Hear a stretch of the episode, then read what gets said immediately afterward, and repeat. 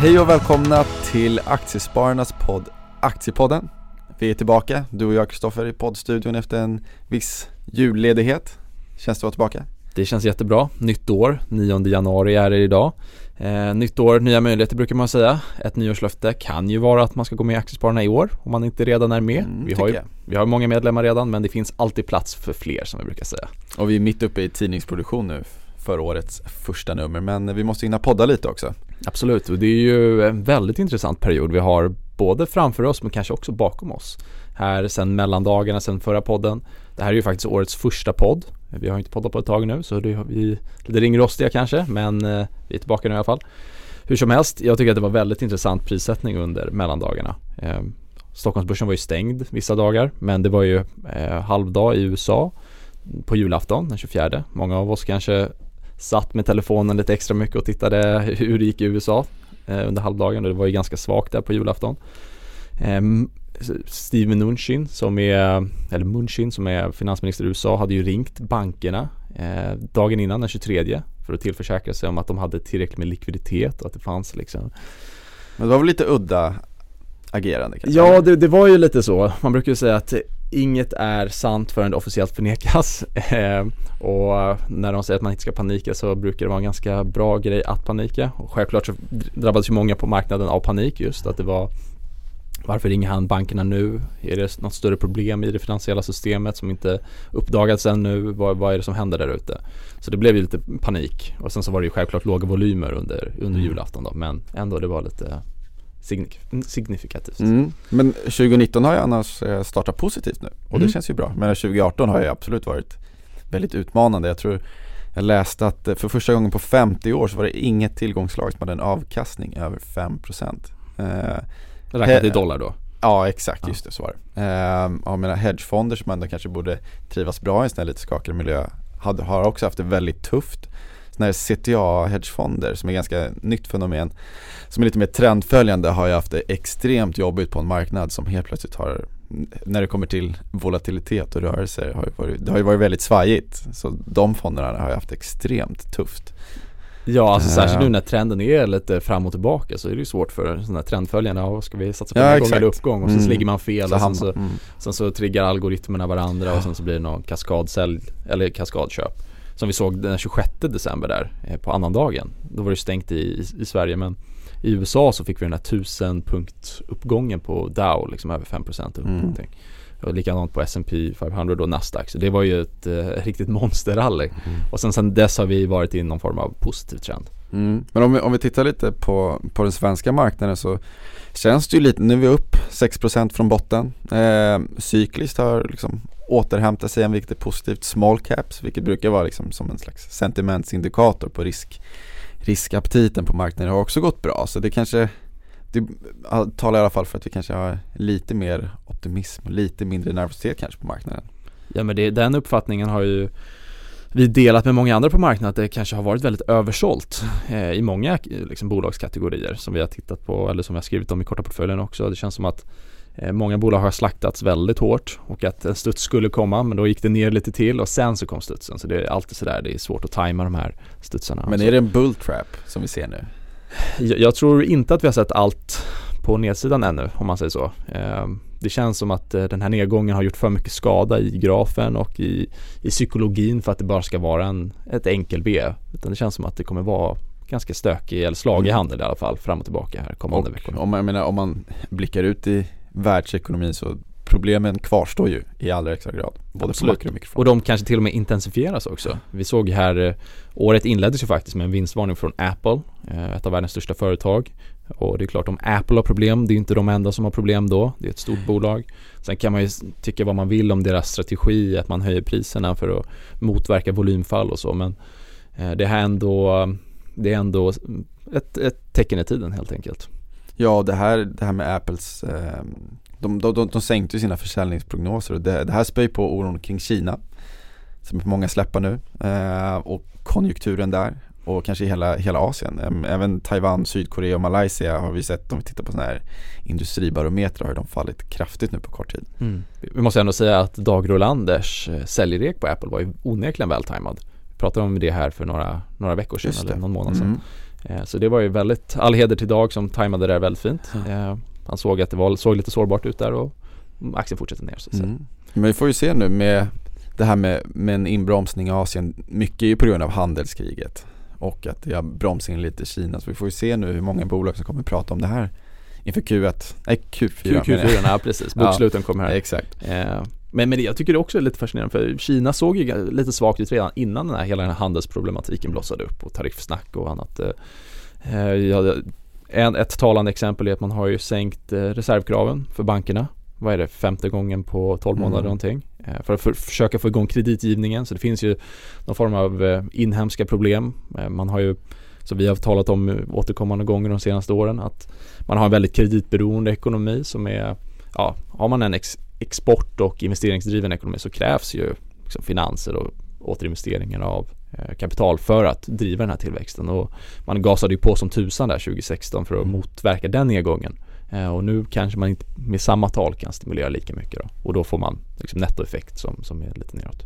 Ja, där får vi se. Där är ju lite, det, då, det råder lite delade meningar där kring Alltså jag menar den finansiella muskeln finns ju ändå och göra någonting för att lyckas stimulera ekonomin vilket i sådant fall skulle påverka hela, hela världen positivt. Om, om, man tittar på valutareserver och sånt ja, så finns exakt. det självklart. Men uh, då är frågan hur stora problemen är och om man kan hantera det. Nej. Samtidigt ska man också komma ihåg att Kinas banksystem är ju lite vad ska vi kalla avskärmat från väst. Det är inte samma spridningseffekter som finns kanske när Lehman gick under eller annat. Så om det skulle hända någonting, om det skulle smälla någonting i en kinesisk bank så kanske det eh, klarar sig i alla fall.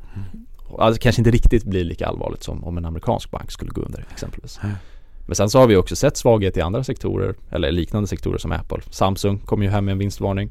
Eh, ganska ordentlig vinstvarning var det till och med. Eh, förväntningarna låg mycket högre än vad de kommer att prestera här. LG också pekar också på en svag mm. marknad. Så ja, vi får se om det blir en trend här om, om bolagen guidar ner. Mm, mm. Och vi tittar lite på amerikansk ekonomi och eh, Fed så var ju de lite mer, eller Powell var ju lite mer försiktig i sitt senaste uttalande samtidigt som kom in riktigt, riktigt starka sysselsättningssiffror. Det här var ju positivt ur ett börsperspektiv såklart. Eh, men det är lite intressant ändå hur man eh, från början så har man ju liksom antagit att Fed ska använda sig av någon slags autopilot och bara heja, heja, heja. Eller de har i alla fall indikerat det och sen nu helt plötsligt så är det väldigt mycket fokus på att eh, ta hänsyn till, till marknaden och vara data dependent som man säger. Så frågan är hur, hur stor roll det här kommer spela nu. Mm. Ja alltså det är ju Förväntningarna har ju justerats ner liksom om det blir någon höjning alls Men det pratas om sänkningar nästan Ja precis, så det har ju verkligen eh, har förändrats både sentimentet och ja. förväntningarna eh, Sen så har ju ISM varit väldigt svagt i USA som tittar på tillverkningsindustrin mm. ISM är ju en otroligt viktig ledande indikator som man ser att när inköpscheferna när de eh, flaggar för sämre tider eller blir lite mindre muntra så brukar det liksom föranleda en form av ekonomisk nedgång Ja för det, det, var, det var det största fallet nu sedan 08 som vi såg förra månaden. Från mm. en ISM-siffra på 60 till 55 vilket är ett enormt stort fall. Precis. Och det där kan man inte vifta bort bara heller och Nej. säga att det, ja, eh, att det bara är något övergående utan det, det ser ju verkligen illa ut. Eh, sen så vet man inte hur och liksom, de kommande siffrorna kommer vara men vi vet ju också att ekonomin har ju blivit mer finansialiserad och många tittar ju på marknaden och när man ser de här kraftiga börsfallen så blir det också som någon form av självuppfyllande mm. profetia. Tänks, ah, man kanske ska hålla lite hårdare i plånboken, kanske inte ska köpa in lika mycket till firman om man nu har en sån och sen så får det smittoeffekter. Men hur ska man se på, på Feds agerande? Ser de någonting annat där med tanke på att sysselsättningen var stark, löneökningstakten fortsätter att ticka upp och ändå så väljer man att helt plötsligt bli väldigt försiktig? Är det att man ser någonting annat där ute? Eller att man väljer att kanske skifta fokus och lägga större vikt vid exempelvis den inhemska ekonomin om man börjar se vissa ja. tendenser på avmattning. Ja, alltså de har ju, de har ju egentligen ett dubbelt mandat liksom att dels värna om arbetsmarknaden, ska vara full sysselsättning men också prisstabilitet och tittar vi inflationstakten, det är, det är ju kanske ingen som riktigt ser att inflationen springer iväg här nu, särskilt när räntan eller när oljepriset kommit ner så kraftigt. Så det kanske inte finns samma inflationstryck här kommande kommande tid. Eh, men som du var inne på, löneökningstakten ser ändå helt hygglig ut. Eh, så vi får se hur, hur det blir. Men ja, man blir ju lite skraj när Powell börjar tala om det här QT när man trappar ner balansräkningen. Det är på någon form av autopilot. Många har ju satt det i proportion till nedgången och det har ju mm. även vi argumenterat för att så, så länge man liksom trappar ner balansräkningen och krymper likviditetskakan om man kan kalla det så. Mm. Eh, så, så, så är det svårt för de här, det, för de här, vad ska vi kalla dem, vidlyftiga värderingarna, de här du vet, techbolagen som har handlats i stratosfären. Mm. Eh, Nu var ju visserligen Power lite mjukare även på den fronten Precis. när, när det kommer till QT så det var väl också kanske lite positivt Mm. ur ett börsperspektiv Men det finns, en, det finns en ganska bra graf som jag tänkte vi kan lägga upp på vårt Twitterkonto som heter New York Fed Recession Probability Model. Och den har stigit jäkligt snabbt. Eh, Så det kan ju vara så att Fed kanske sneglar på den Mm, exakt, och om man tittar på ISM också och all- allt det här Ja. annat som, som vi var inne på. Och sen så har man ju hört lite anekdoter också från rörelsedrivande bolag i USA där man har gått i princip ifrån en, en fulltecknad orderbok till en tvärnit Mm. i november, december. Så någonting verkar ha hänt. Apple är ju ett exempel på det eh, och ja, självklart kommer det finnas i fler sektorer. Vi såg ju Mm. Fedex här också som flaggade för en sämre global handel eh, och annat. Så vill man lägga det negativa pusslet så är det ganska enkelt just nu.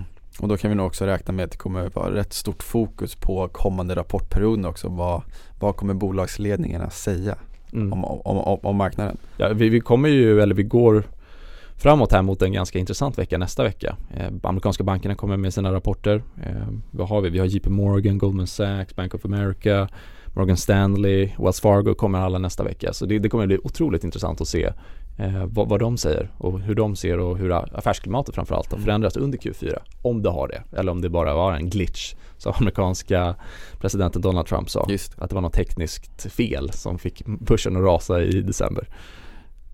Men hur tycker du att man ska position, positionera sig nu då? Om vi, om vi, vi har ju Vi ser ju att nervositeten finns ju där och det avspeglar sig att vi helt plötsligt har vi sett räntor komma ner eh, Guldet upp eh, Japanska yen upp, dollarn upp Vilka bolag tycker att man ska liksom fokusera på om vi drar breda penseldrag? Ja det beror ju på vad man tror här att eh, den här sättningen är liksom av övergående karaktär eller om man- tror att vi kommer in i en liksom sämre konjunktur och eh, allt vad det innebär. Till syvende och sist så är det vinsterna som avgör som vi alla vet eh, och eh, ja, jag, generellt sett så gillar jag bolag som kan skapa intäktstillväxt oavsett konjunktur. Eh, det är det ganska få som kan göra det i praktiken men man kan ändå försöka titta på mer konjunkturokänsliga bolag. Har du något konkret exempel? Eh, spelbolagen har vi gärna, eller har vi gillat länge, men, men där känns det som att det är, pendeln har svängt lite där efter omregleringen och det är många som har stoppat eh, Ja, satt spelstopp på sig själva egentligen på, på sajterna. Så ja, spelsektorn kanske inte känns riktigt lika het som tidigare. Eh, men ett bolag som Essity, nu när pappersmassan Mm. har kommit ner, känns ju som eh, ett ganska intressant case. Eh, vi har ju dessvärre ägt SCA som är på, i andra delen. Mm. Eh, och där har det ju varit väldigt svagt. Eh, men sen så generellt sett, så eftersom vi var inne på Kina tidigare, så undvik bolag med stor Kina-exponering skulle jag säga. Eh, för jag tror inte vi har sett det sista, den sista svagheten från Kina ännu. Eh, och det är ganska många bolag på Stockholmsbörsen som har stor Kina-exponering. Hexagon exempelvis, eh, Assa Abloy eller? Assa Abloy Ja. har det också. Eh, mitt gamla favoritbolag Kone har ju också Mm. stor, eh, stor exponering mot Kina. Och framförallt eh, nybyggnationer i Mm. ja, eh, bostäder och kommersiella fastigheter och annat. Så ja, det ska man nog vara lite försiktig med. Mm. Ja, för varför jag kom att tänka på Assa Abloy eh, var ju för att jag tänkte på ett annat tema som kanske också borde komma upp i mer bolag med en väldigt hög andel eh, eftermarknadsförsäljning och där ligger ju Assa Abloy verkligen i topp. 67% av sin försäljning är då alltså eftermarknadsservice och, och sånt där. Eh, och det är ju någonting som brukar ju, man brukar sätta ett lika med tecken med liksom stabila intäkter och återkommande intäkter. Eh, men då kanske Assa Abloy är lite väl riskfyllt ändå då, eller? Ja, alltså man kanske kan köpa den på svaghet om den går ner nu på, på Kina oro. eh, Om det blir en sån i 2019 eh, så kan man säkert fiska upp den. Det är självklart att återkommande intäkter är alltid trevligt i alla bolag. Eh, Kone har ju också stor andel Mm. återkommande intäkter med, med ja, dels är det regulatoriskt att man måste serva hissarna men så har man också långa serviceavtal och annat så, så Det, det borde ju rimligtvis vara någonting som marknaden uppskattar nu, Ja, kan man ju tycka. Det finns några fler intressanta bolag. Tomra, Tomra. ett av dina gamla favoritbolag. Ja exakt, global ledare. Den har ju, vad är det, 80% marknadsandel någonting. Mm. Väldigt stabil business. Eh, regulatoriskt ligger det ju rätt också. Fler och fler länder kommer koppla ut sådana här krav på eh, retursystem och annat. Eh, Mm. så Tomra är ju en aktie, eller en gåva som fortsätter att ge helt enkelt. Mm. De har alltså en eftermarknadsandel av försäljningen på 50% Mm, Det är bra. precis. Och sen så den här nyförsäljningen är inte heller riktigt cyklisk heller. Det är ju mer mot eh, clean tech och miljötrenden. Så, så det är ju någonting som bara kommer öka kommande år. Ehm, Och det syns ju också i, i aktiekursen Ja, fortfarande. ja, ja verkligen. Den, Ja. ju, den har ju sprungit snabbt. Mm. Ett annat bolag som eh, Novozymes i Danmark som jag gillar också. Det är de enzymexperterna som jag pratat om för ett år sedan drygt. Mm. Eh, De är ju, har ju också global ledare, har en sån här tydlig marknadsetta med en marknadsposition på, ja vad är det, de har marknadsandel över 70% någonting tror jag. Eh, tydligt ledande, investerar mycket i eh, forskning och utveckling, ledande, säljer sina enzymer till bland annat tvättmedelsindustrin och eh, ja, bryggerinäringen för att jäsa ölet bland annat. Så, Mm. eh, så, så det, är- det är ett intressant bolag. Värderingen är ju väldigt hög där. Men om man kan köpa den på om, man, om, om den kommer ner med allt annat så tycker jag att den ser intressant ut. Okej bra, men eh, sammanfattningsvis det är stökigt där ute Vi fokuserar på, på bolagen, vi vill leta efter starka affärsmodeller så får vi se och ta det därifrån helt enkelt Precis. Stabila kassaflöden är aldrig fel. Framförallt sådana här tider Men du, eh, vi återgår till att skriva lite tidning då Så är vi tillbaka i podden nästa vecka Precis. På återseende. Japp, hej!